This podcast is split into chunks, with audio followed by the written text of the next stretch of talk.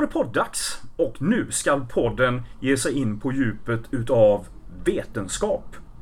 Inte ett lätt ämne, men vi har rätt personer för det här och vi är många runt omkring micken. För här har vi Julia, välkommen. Tack. Vi har Michelle, Hej. vi har Olivia Hallå. och vi har Per. Tack för det, hej hej. Men vi ska inte bara stanna vid namnen här utan vi ska faktiskt ge lite sammanhang för just varför ni är här. Vi börjar med Julia. Vad har du för koppling till vetenskap och vad är det du har lyckats med? Ja, okej. Ehm, jag har då gått vidare i en vetenskapstävling som heter OSO. Och det är... ehm, Jag ska nu på lördag åka till Slovenien och representera Sverige där. Så det ser jag verkligen fram emot. Ja, och eh, för de bland lyssnarna som är förlåtna för att ni inte vet vad det betyder så är det European Science Olympiad. Så att du är alltså, hör ni det nu idrottselever? Du är alltså, du representerar Olymp Sveriges olympiska landslag i vetenskap. Mm. Michelle, vad har du för koppling till vetenskap? Ja, eh, dels är jag intresserad av vetenskap och sen så var jag med i Unga forskare, en tävling för fyra veckor sedan ungefär. I Stockholm, I Stockholm, för hela landet med massvis med unga forskare. Mm. Och hur gick det där? Det gick bra. Eh, jag ska få åka till London i sommar i två veckor på en forskningsforum ungefär. För du vann en tävling och ett stipendium. Ja, Ja. precis. Vilket stipendium och tävling var det? Eh, LICEF heter det ungefär. Ja. Ehm, och tävlingen var ju då Unga forskare så att, ja. Vinnar. Ha, Olivia. Mm, hallå. Hallå. Ja, eh, min koppling till naturvetenskap är väl att jag går naturvetenskapliga programmet här på skolan. Eh, inriktning natur. Men eh, jag har också, precis som Michelle, varit och tävlat eh, i den här utställningen Unga forskare. Och hur gick det? en månad sedan. Eh, det gick bra. Jag eh, tog hem någonting som kallas för Publikens pris. Där Mm. eh, alla besökare på Tekniska museet fick eh, rösta på den monter, eller ja, de som de tyckte var intressantast. Ehm, så ja, det var helt enkelt det. Ja. Per, har du någon koppling till vetenskap? Jag är ju matematik och fysiklärare och det, det är väl en del av mitt uppdrag att eh, försöka få mina elever att ha ett vetenskapligt förhållningssätt till, eh, till världen Mm. i stort. Och det är väl extra viktigt idag tycker jag när man tittar sig omkring eh, ute i världen. Oh, nu är du redan in, inne på en av de punkter vi kommer att diskutera idag. Ja, eh, och då känner jag mig sällsynt efterbliven i den här församlingen. Jag, gick, jag läste dock naturvetenskaplig när jag gick på gymnasiet och då lärde jag mig att eh, det ska jag inte syssla med.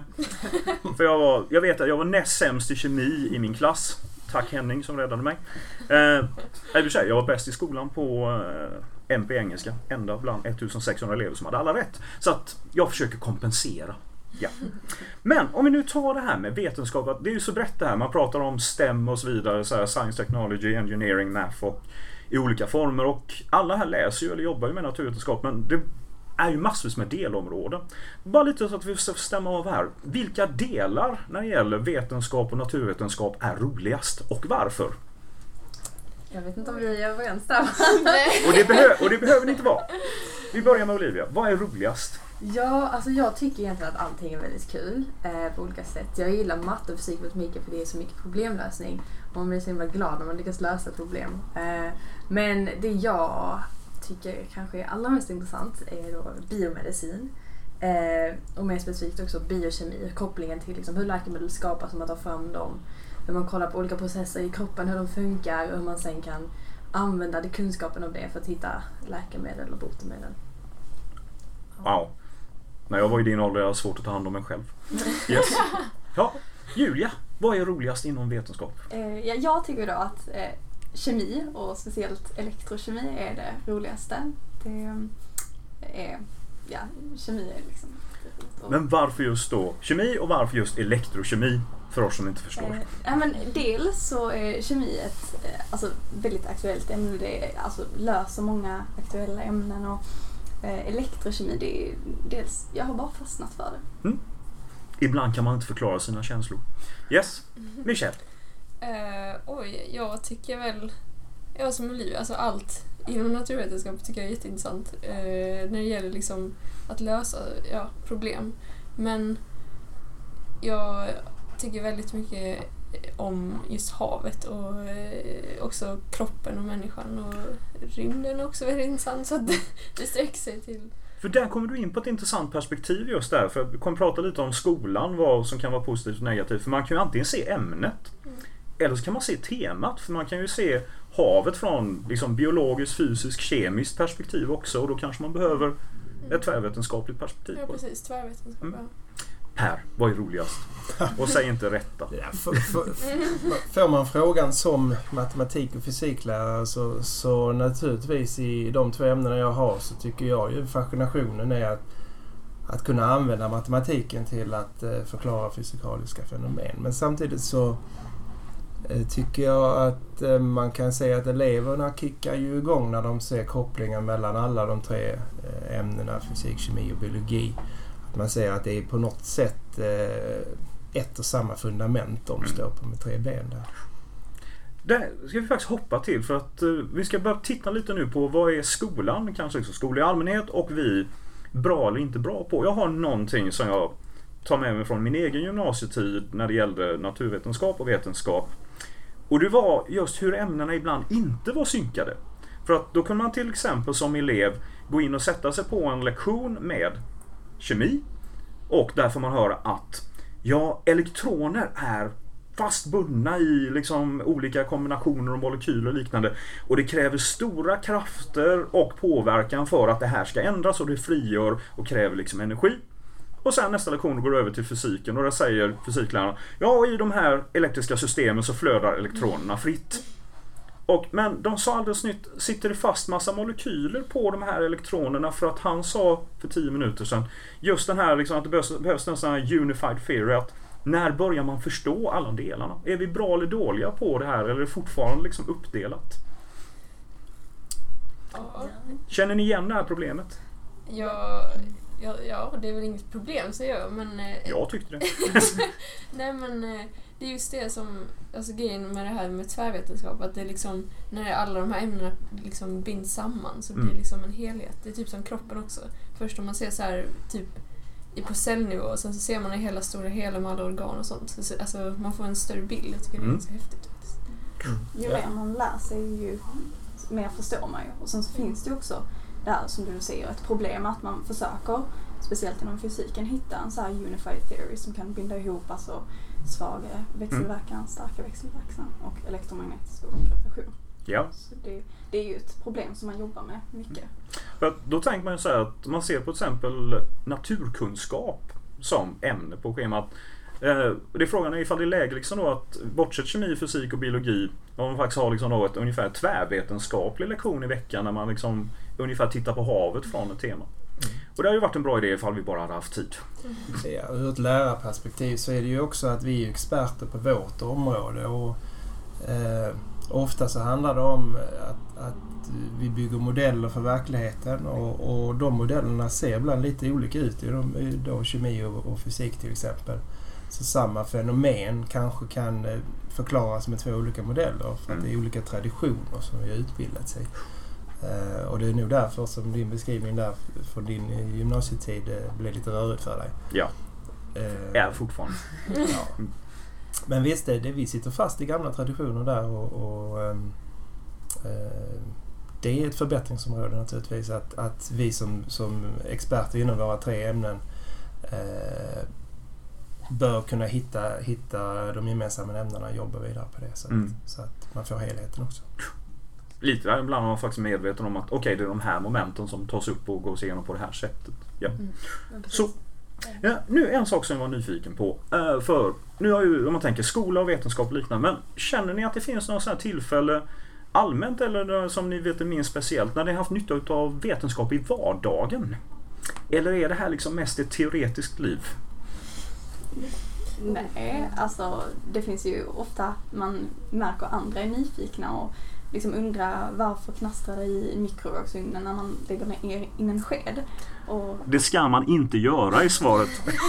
nej, men eh, att folk undrar det och då är det ju klart att man, eh, alltså nyfikenheten växer och det är roligt att kunna förklara det. Ja, Precis. ja coolt. Ja men det är många sammanhang, alltså, som du säger, precis när man är nyfiken på att någonting funkar. Eh, och sen så tänker man tillbaka på vad man lärt sig så tänker man men just det, jag vet ju hur detta funkar. Eh, det är samma sak som att vi, eh, jag och Michelle läste nu eh, naturvetenskaplig specialisering sista året och det var jätteintressant för vi lärde oss väldigt mycket om eh, mediciner, hur de funkar i kroppen och alltså vad som händer när vi blir sjuka och sånt.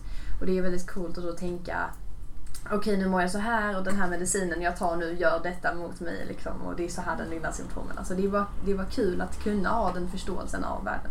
Mm. Eh, i allmänhet. Ja, eh, ni kommer att göra ytterligare så här observationer dagen efter studenten varför ni mår som ni mår. Ah, kemisk obalans. Yes. Ha, per, använder du vetenskap någonting i vardagen? Jag blir så glad när jag hör eleverna säga här att det handlar om nyfikenhet Mm. och stilla den. För att det, det, är ju, det är ju precis det det handlar om. Eh, Går jag igenom logaritmer på en mattelektion och ska försöka koppla det. Det här kommer du ha nytta av på onsdag när du går och gör det här och det här. Så har jag ju problem att, eh, att kunna motivera det på det viset. Eh, men om man, ehm, om man kan använda det till, till att förstå andra saker inom fysik och kemi eh, bara för att man är nyfiken och, och vill söka mer kunskap. Det är då man som lärare tycker jag har lyckats ehm, för, för just skapa nyfikenheten. Det är ju ett av vårt absolut viktigaste uppdrag. Ja, då blir man självgående på något sätt. Precis. Mm. Men nu kommer vi till sak som du nämnde här i början Per och som man känner börjar bli eh, vetenskapens stora utmaning. Det här med att vetenskap utgår ju från liksom, man säger, objektiva observationer utav saker och ting. lagar. Men om man tittar på samhället här utanför så är det precis som att vetenskap har slutat fungera som ett argument. Man tittar liksom på fake news och klimatdiskussioner och liknande.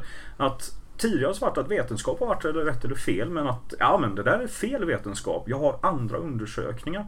Så att, hur känns det nu liksom att syssla med vetenskap nu och kanske vara på väg ut i ett framtida man säger, karriär eller studier som handlar om det här och vara medveten om att folk har kanske inte den respekten för vetenskap som man hade förr. Någon som har några tankar där? Ja, du, du har ju helt rätt att förr var ju ingenjören hjälten i samhället och, och idag så kanske det kan vara någon, någon eh, bloggare eller någon eh, idrottsman eller någon, Influencer. någon influencer. Och det här snabba nyhetsflödet som finns i sociala medier där, där tyckandet går före Mm. eh, vetenskap. Det är, det är nog det som kanske är grunden till att den synen har ändrats under, under Ja. den här perioden vi lever i nu. Mm, precis. Ja, eh, jag vet inte. Jag tycker ju att det finns så många forskare över hela världen som arbetar med så olika saker och det blir också lite så då ibland att en studie kan visa på någonting och sen så motbevisas den två år senare eh, med samma metod. Eh, och det också, leder också till att det blir ett förvirring om vad som är egentligen sant och det är inte så att det finns en sanning utan det är alltid en diskussion och alltid på lektionerna hör man ju detta att vi tror idag att det är så här men det är klart är att det, det kan ju ändras. Mm. Eh, men egentligen så ser jag bara det som en fördel för det är ju intressant. Ju fler som håller på med någonting och desto fler studier det finns desto mer närmare kan man försöka komma någon slags Mm.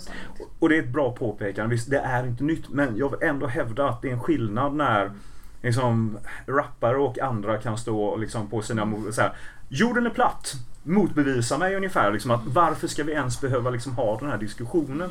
Liksom, när man känner att vi har faktiskt bevisat gravitation, att jorden är rund, att vi har en klimatpåverkan. Även om det finns två avvikande personer betalda utav amerikanska vet du, det, fossila bränsle lobbyorganisationer. Och jag bara känt att liksom, man måste vara beredd på en frustration här. Att även om man jobbar med vetenskap och kommer fram till saker och ting så accepteras det inte på samma sätt som tidigare. Exakt. Nej, Mm. men det är ju en utmaning. Ja. Helt klart. Och det är ju, men det är intressant också att se om man kan göra någonting åt det. Det är Mm. ju därför kanske också man vill gå in i detta fältet för att kunna dels bli ja, men liksom vetenskapsman men även om man kan bli på något sätt eh, bra kommunikatör och på så sätt få ut detta budskapet till resten av världen så att alla förstår att det inte riktigt är hållbart att tänka som vi gör kring att miljöproblemen egentligen inte finns Mm. eh, och så vidare. Ja. Och sen så är det också att typ våga eh, alltså, säga det man har kommit fram till om man säger så. Som Mm. typ Darwin när han kom med den här evolutionsteorin. Alltså han blev ju helt nedklankad eller liksom folk trodde inte på honom och han var en apa och allt vad det var. Men nu är det ju liksom nästan, ja i alla fall i Sverige så är det det fakta. Eh, på alla platser bortsett Kansas. Ja. ja, precis. Om 1800 uppkomst 1859. Yes.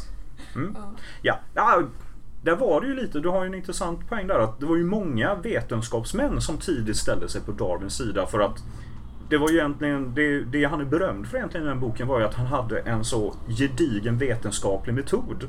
Att boken är upplagd på det sättet att det är svårt att kritisera urval och sättet han presenterar sin teori.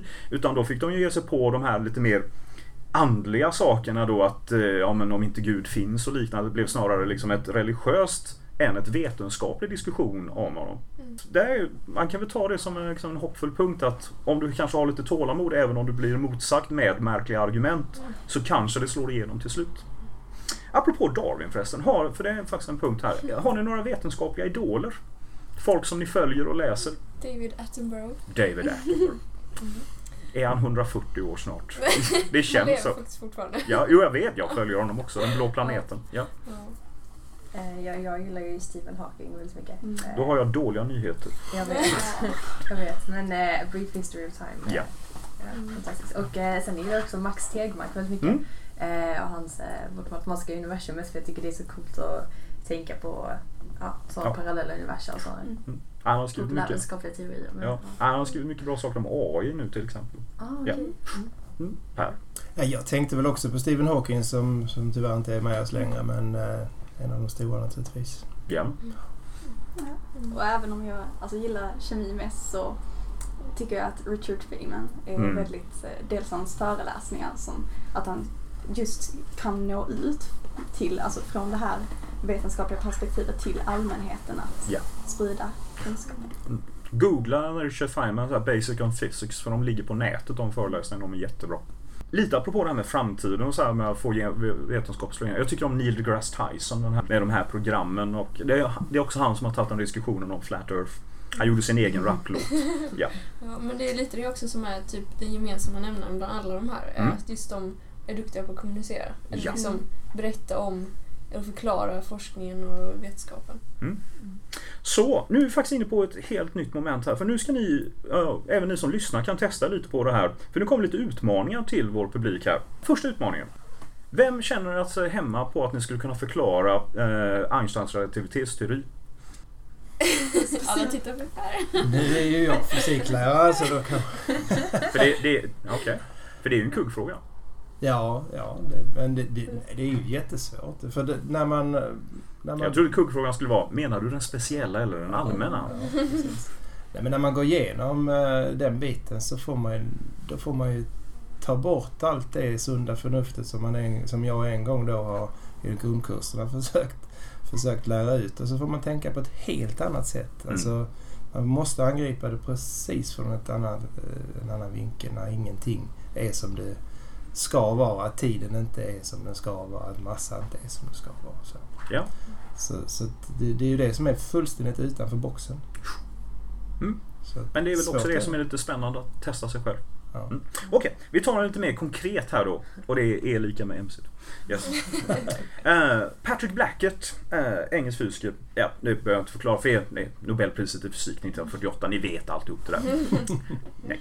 Eh, han var verksam under en sån här period som ofta innebär på gott och ont stora framsteg inom vetenskap och det var i andra världskriget. Och som ung forskare där så blev han rekryterad för att lösa diverse tekniska problem. Och det var under andra världskriget som man började använda radar för att framförallt se liksom då flygplan eh, under striderna. Och engelska för en sån här flygministeriet eh, hade ett problem som de inte förstod orsaken till. Och det var att ihop med radarn som de hade så verkade deras luftvärn skjuta ner betydligt fler tyska plan om det var ute vid kusten ovanför vatten än om det var inne i landet och de förstod inte varför. Och Blackett fick sätta sig ner och titta på det här och till slut så hittade han lösningen. Vad tror ni att det skulle kunna vara? Nu får ni tänka väldigt annorlunda. Okej. ehm, jag bara hade en liten tanke när du sa just med kusten och landet. Mm. För ehm, just det här med typ i öknar och sånt så blir det mycket kallare på natten just för att det inte är så hög luftfuktighet. Mm. Och vid kusten så är det ju hög luftfuktighet så då är det ganska... Där, där skiftar inte temperaturen så mycket mellan dag och natt. Ja. Just för att, Och nu blir jag jätteimponerad för det här var en sån sak som Blackett direkt tittade på. Ja. Och han tog Nobelpriset tio år efteråt. Så jag, men det var det inte. Det var inte det. Okej. Tänk annorlunda. Nu blir fysikläraren tyst. Mm. Vi kommer kunna klippa sånt här sen. Ja, kan vi ta paus. Jag jäklas lite med er. Men det visar lite att för att kanske vara en framgångsrik vetenskapsman så måste man tänka väldigt annorlunda. Var det kanske dimma? Nej. Nej. Oh, det tittar han också på. Om, om vi bara gav dig tid där. Så. Eller kanske berg, att raden inte fungerar. Nej. Och de tittade på det med. Topografin i områden. Men det var bara att planen, att de har skött, att de har skött ner ner fler vid vattnet. Mm, ut över Engelska kanalen. Ni ska få ett tips. Det har inte riktigt med vetenskap att Och göra. det känns som att det är någon så här, Var det att det fanns fler tyska soldater Nej. Nej, flygplan. Flyg. Ja. flygplanen flög bara kust. Nej. nej. Nej, det var som sagt. eh, Och det var inte det att han kom på det på fem minuter heller. Eh, Känner ni er redo eller ska vi, vill ni fundera vidare? Mm, oh. Det är sånt här som är så kul. Om vi säger så här. Han ställdes inför ett vetenskapligt problem som visade ha en icke-vetenskaplig lösning. Nu känner jag att ni kommer bli aggressiva mot mig när jag berättar det här. Det kommer nog. Mer aggressiva än innan. Ja, yes. ja, ska jag ta det? Ja. Kör. Han konstaterade till slut att eh, det gjorde de inte. Men vad var skillnaden mot tyska plan som var nedskjutna över land och tyska plan som var nedskjutna över havet? Ah, de hamnar i kanalen. eller? Ja, och det var ju den här upplevelsen att unga killar i strid som står där och det är rörigt och liknande. Så räknade de ju betydligt fler nedskjutna plan. Så det var liksom en psykologisk effekt att de trodde att de sköt ner fler plan där ute för de fanns inte kvar efteråt för att kunna räknas. Men de som sköts ner över liksom England kunde man ju liksom konstatera liksom att så många ligger på marken. Så att när han ställdes inför ett vetenskapligt problem som han gick bet på, han testade alla de här sakerna med och eh, med eh, topografi och värme och liknande på det. Så kom han till slut fram att lösningen är inte vetenskaplig liksom, utan det är mänskligt det där som var, låg bakom det. Och det är kanske också en sån här sak att vetenskap ibland behöver kombineras med annat för att fungera. Att man måste, precis som du sa innan, verkligen tänka utanför, och även Per, man måste verkligen tänka utanför boxen här för att kunna lyckas. Mm. Så, ha, nu tittar vi lite på framtiden. Vad, vad skulle ni vilja syssla med här nu? Efter ni är klara. Åh, ni kan inte ställa den frågan. Det är, Den har fått många Jag tror precis jag gjorde det. Ja. det är väldigt svårt att säga, eh, tycker jag. Jag tycker det hade varit intressant personligen att kombinera just eh, naturvetenskaplig utbildning med någon sorts eh, utbildning inom eh, till exempel ekonomi eller eh, ja, kommunikation. För att kunna kombinera så att det blir liksom så att man kan hjälpa forskare kanske nå ut med sina upptäckter lättare. Eller man kan hjälpa dem hitta finansiär, eh, finan, ja, finansiellt stöd. Ja, Ja. finansiärer. Exakt. Eh, så det tycker jag har varit lite kul. Mm. Eh, för att få blanda lite områden. För jag tycker naturvetenskap är kul men kanske eh, kombinera det med något annat. Ja, yes. Mm. Julia, Eh, ja, det är ju naturvetenskap som jag vill hålla på med. Så då har du i och för sig hamnat rätt. ja, eh, att jag forskar eller eh, kanske arbetar på eller något. Yes. Ja, eh, ja, framtiden. jag, alltså, jag, så ju mer man funderar känns det som att eh, ju svårare blir det att bestämma sig. För det finns så mycket jag vill bli. Mm. Så att jag vet inte faktiskt. Ja. Någonting innan. Och Per.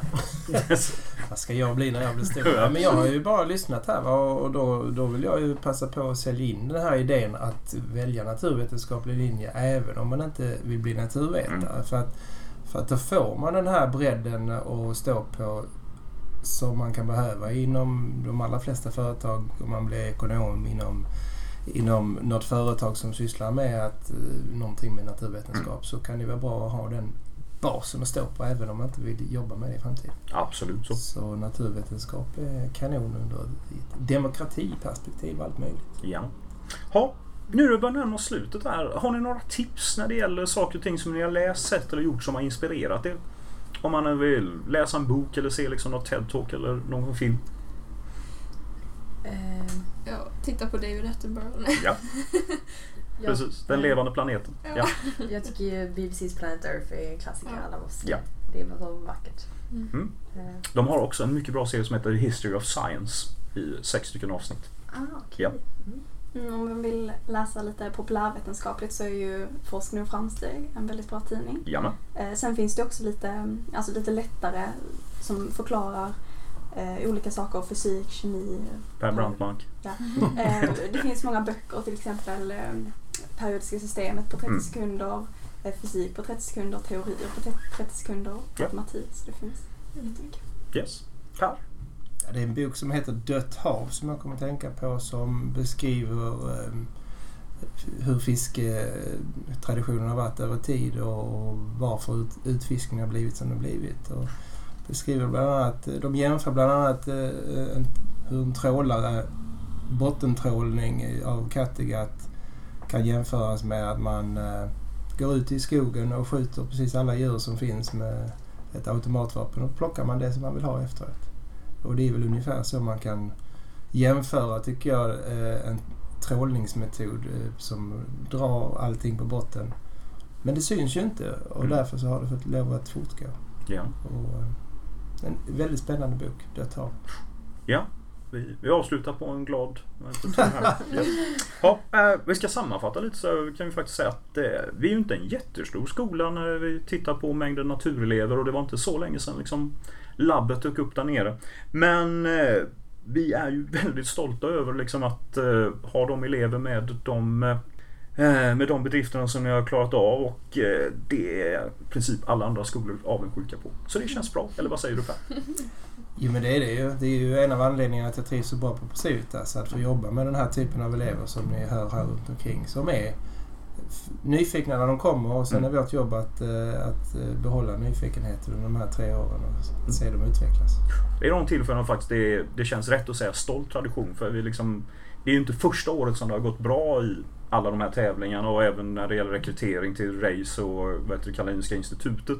Så har vi en tradition som är värd att liksom kalla stolt. Så att eh, ja, vi fortsätter så här för det känns bra. Så, och där tackar vi alla som har varit med i Vetenskapspodden för Prossepodden. Det vill säga Julia, Michelle och Olivia Per. Tack för att ni var här. Tack, Tack för så mycket. Tack.